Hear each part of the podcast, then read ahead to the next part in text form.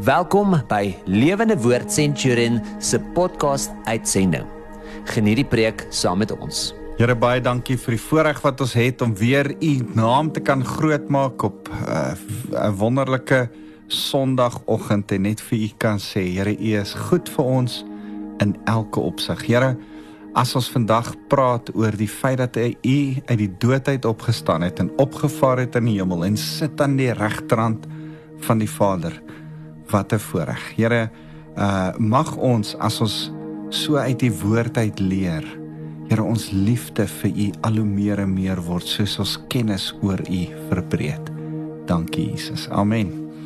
Nou, uh, dis vir my 'n voorreg om weer lekker saam met julle te kan kuier. My naam is Wouter van der Merwe en ek is van Lewende Woord Centurion en uh ons kuier saam En ons het nou onlangs Hemelvaart gevier en en en vanuit Hemelvaart en die feit dat ons uh in in aanloop tot Pinkster uh met mekaar gesels oor die Heilige Gees en die krag van die Heilige Gees wil ek wil ek vandag saam met jou gesels oor oor die feit dat Jesus Christus opgevaar het na die hemel. Nou nou dink so 'n bietjie aan daai geloofsbelijdenis, daai mooi geloofsbelijdenisse waarmee ons groot geword het.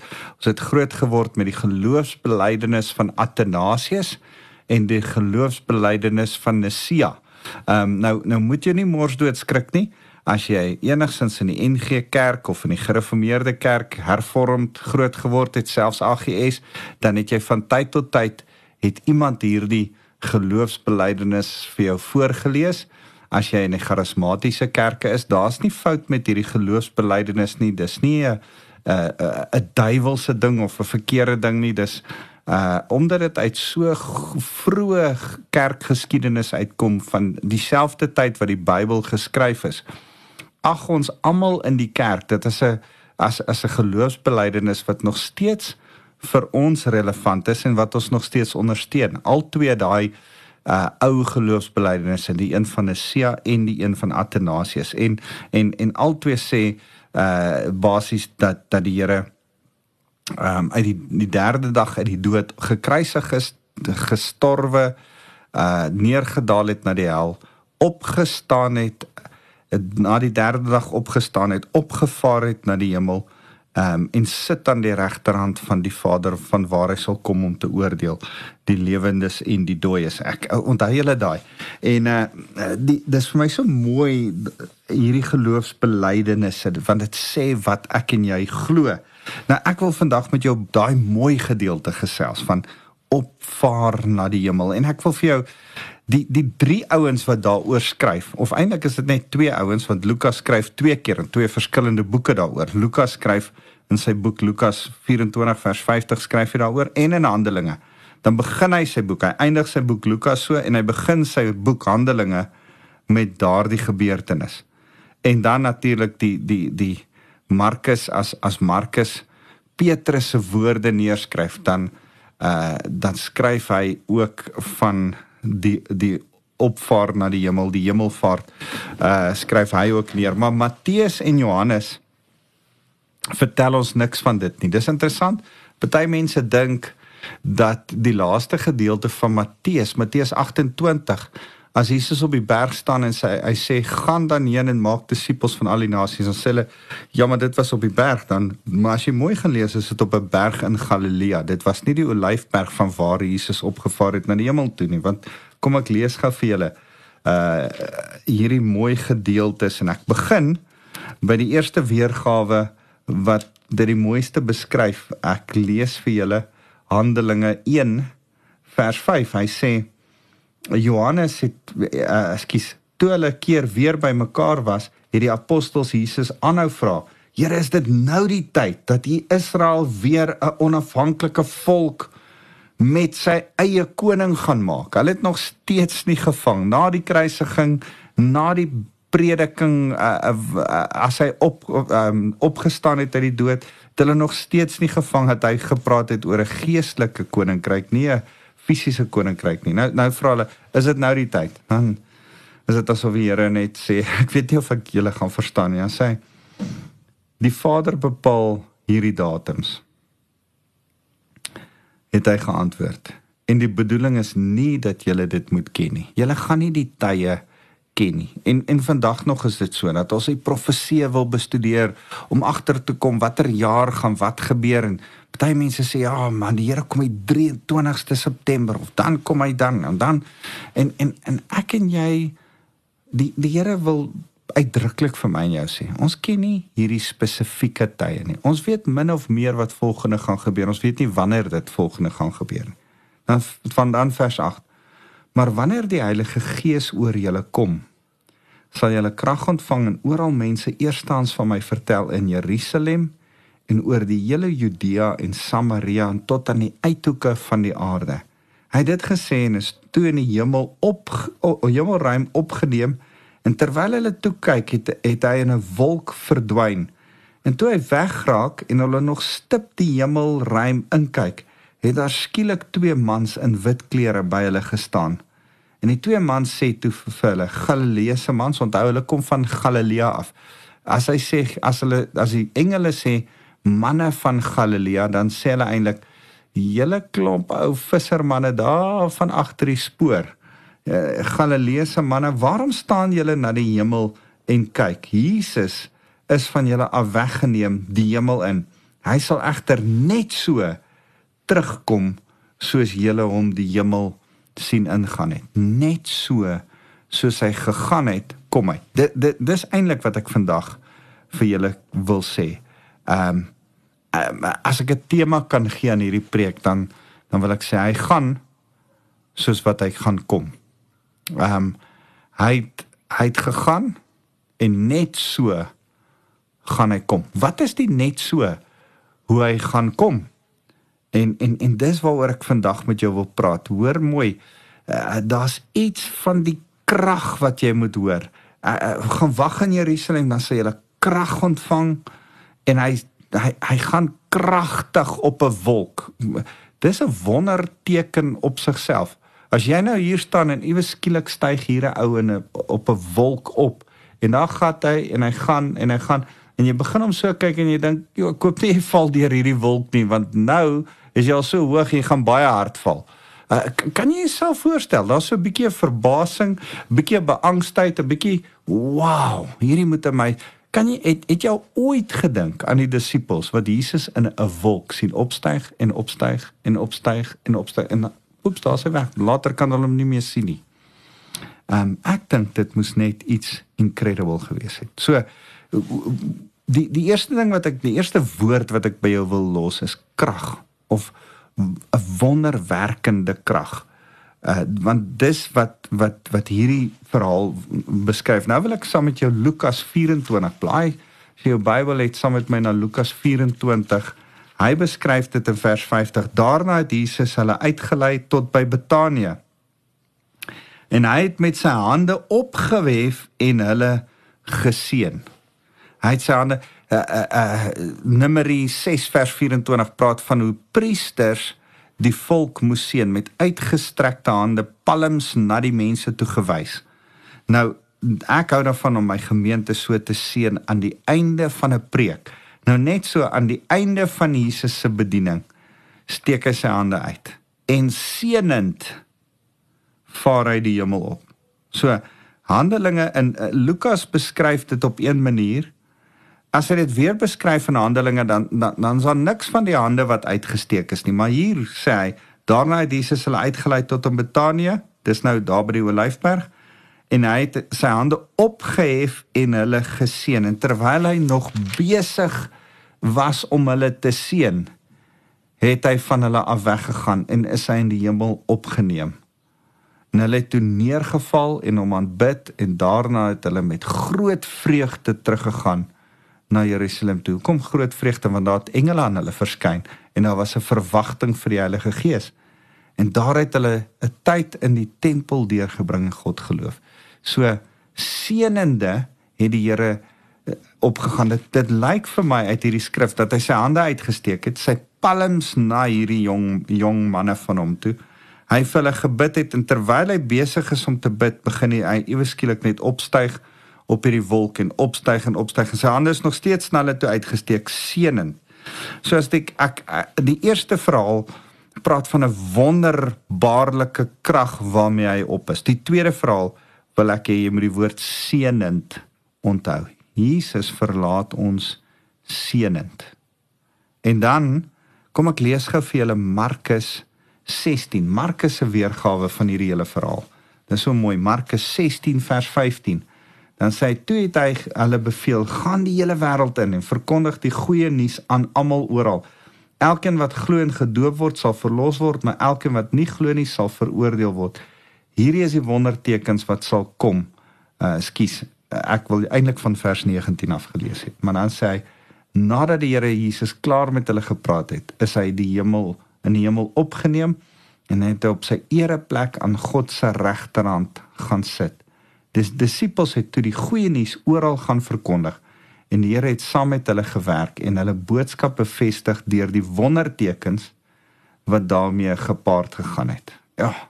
Is dit nie so mooi nie dat die Here wondertekens laat gee het deur deur die prediking van die mense ook. Hy hy hulle hulle boodskap wat hulle gepreek het is deur wonders en tekens bevestig. Ek en jy het ook die Heilige Gees om ons so te help. Maar wat ek eintlik vir jou hier wil wys is Jesus het opgevaar en hy het aan God se regterhand die ereplek gaan sit.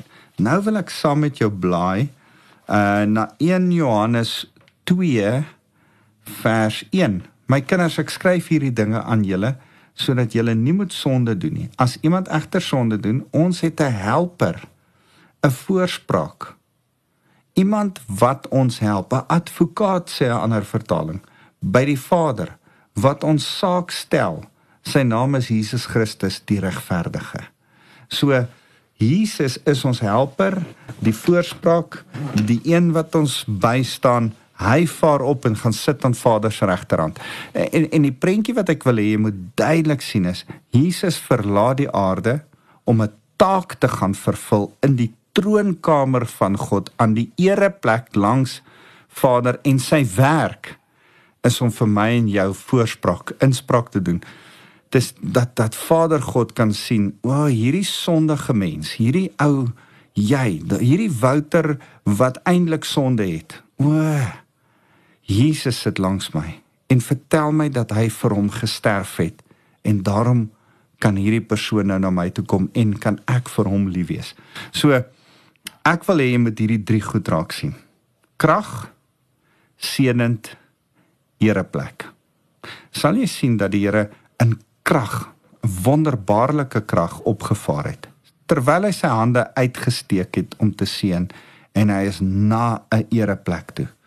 En onthou, dan wil ek nou vir jou sê ek en jy ons weet uit die hele Nuwe Testament, weet ons dit. Jesus kom weer. Paulus sê dit in in die einde van Korintiërs. Ek probeer nou vinnig daai skrif kry. Ek dink so vinnig daaraan dan dan sê hy ek dink aan die einde van 2 Korintiërs en sê Jesus kom gou.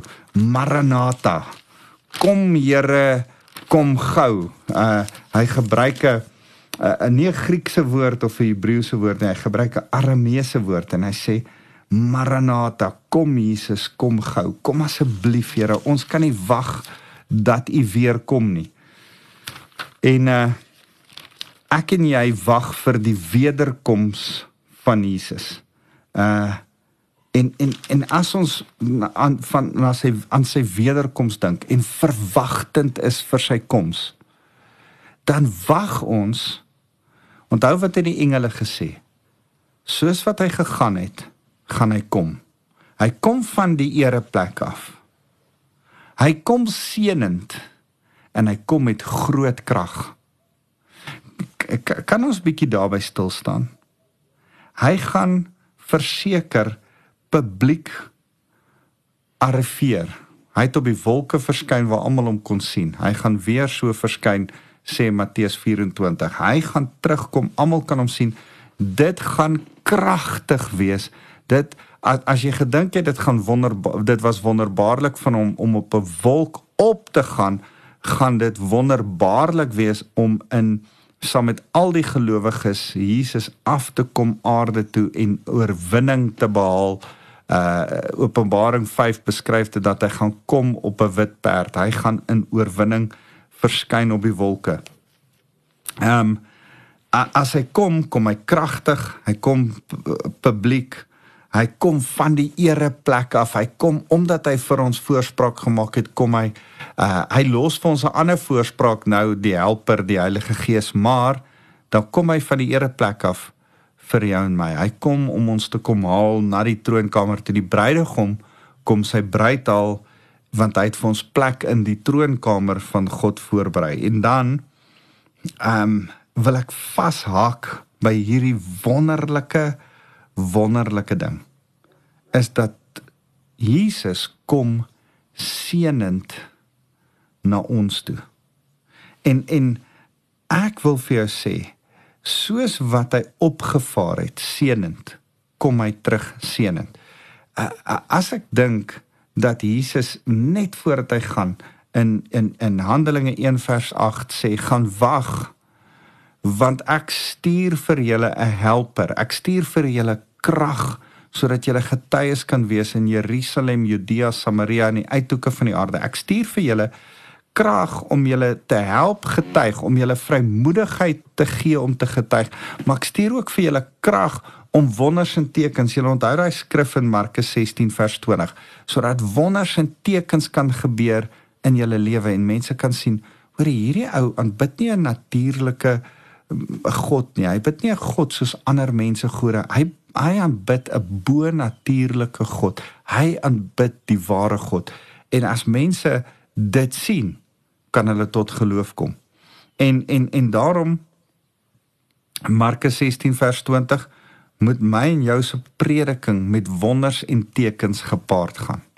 En ek ek wil vir jou sê ek glo in wonders en tekens. Ek glo in, ons kerk gebeur wonders en tekens. Ek glo dat on, maar ek wil nie die wonders en tekens najag nie. Ek wil Jesus najag. Ek wil ook nie vir almal vertel van die wonders en tekens en dit dit, dit aan die groot klok hang en dit vir almal voorop hou want dit gaan nie oor die wonders en tekens nie, dit gaan oor Jesus wat die wonders en tekens wat ons doen bevestig. Die, die wonders en tekens wat ons doen wys na Jesus. Jesus wys nie na die wonders en tekens nie. En en ek en jy moet nie die wonders en tekens najag nie. Ons moet sê, Here, ons wil U. Ek dink aan hy skrif wat sê if I am lifted high, Jesus sê, if I am lifted up, I will draw all men unto me. En hy hy praat oor twee goed. Hy praat oor die feit dat as hy op die kruis verhef word, dan trek hy die hele aarde na hom toe. Maar as ek en jy in prediking hom oplig en vir ander mense vertel van Jesus, dan hoef ons nie vir ander mense van hulle sonde te vertel of van enigiets anderste. Ons hoef hulle nie te vertel hoe sleg die wêreld is nie. Ons moet net vir hulle vertel hoe goed Jesus is en dan trek dit hulle na hom toe. Romeine 2 vers 4. It is goodness that leads us to repentance. Sy goedheid trek ons, dring ons, bring ons na die Here toe. So ek wil vir jou met hierdie gedagte by jou vasmaak is dat Die Here kom terug seënend. Hy het ons verlaat seënend. Hoor mooi dat die Here ons met seën verlaat het. Dis vir my so belangrik om by mense vas te maak, ook as ek berading doen en saam met mense gesels, dat ons nie 'n God het dat Jesus nie in die Nuwe Testament gekom het en gesê het as jy verkeerd doen, dan gaan jy vervloek wees nie. Ou Testament is daar seëninge en vloeke. Deuteronomium 28: As jy die regte goed doen, sal jy geseënd wees. As jy verkeerde dinge doen, sal jy vervloek wees. Toe Jesus aan die kruis sterf, het hy elke liewe vloek op hom geneem. Daar is nie meer vloeke wat agterbly nie. Wil Satan nog vloeke onregmatig gebruik? Ja, verseker. Satan wil nog maak asof daar vloeke is en uh, vloeke oor ons lewe en met sonde stap ons in die stryk van Satan se vloeke in. Maar daar's niks vloeke meer van God af nie. Elke vloek natuurlik en van God af is verbreek. Daar's onregmatige vloeke. Ek wil regtig vir jou sê, Satan het nog goed wat hier aan die gang is. Maar geen vloek op aarde is meer van toepassing nie, want die seënende Jesus het die vloek geword toe hy aan die vloekhout aan die kruis vir my en vir jou gesterf het. En toe hy die vloek op hom geneem het deur aan die kruis te sterf.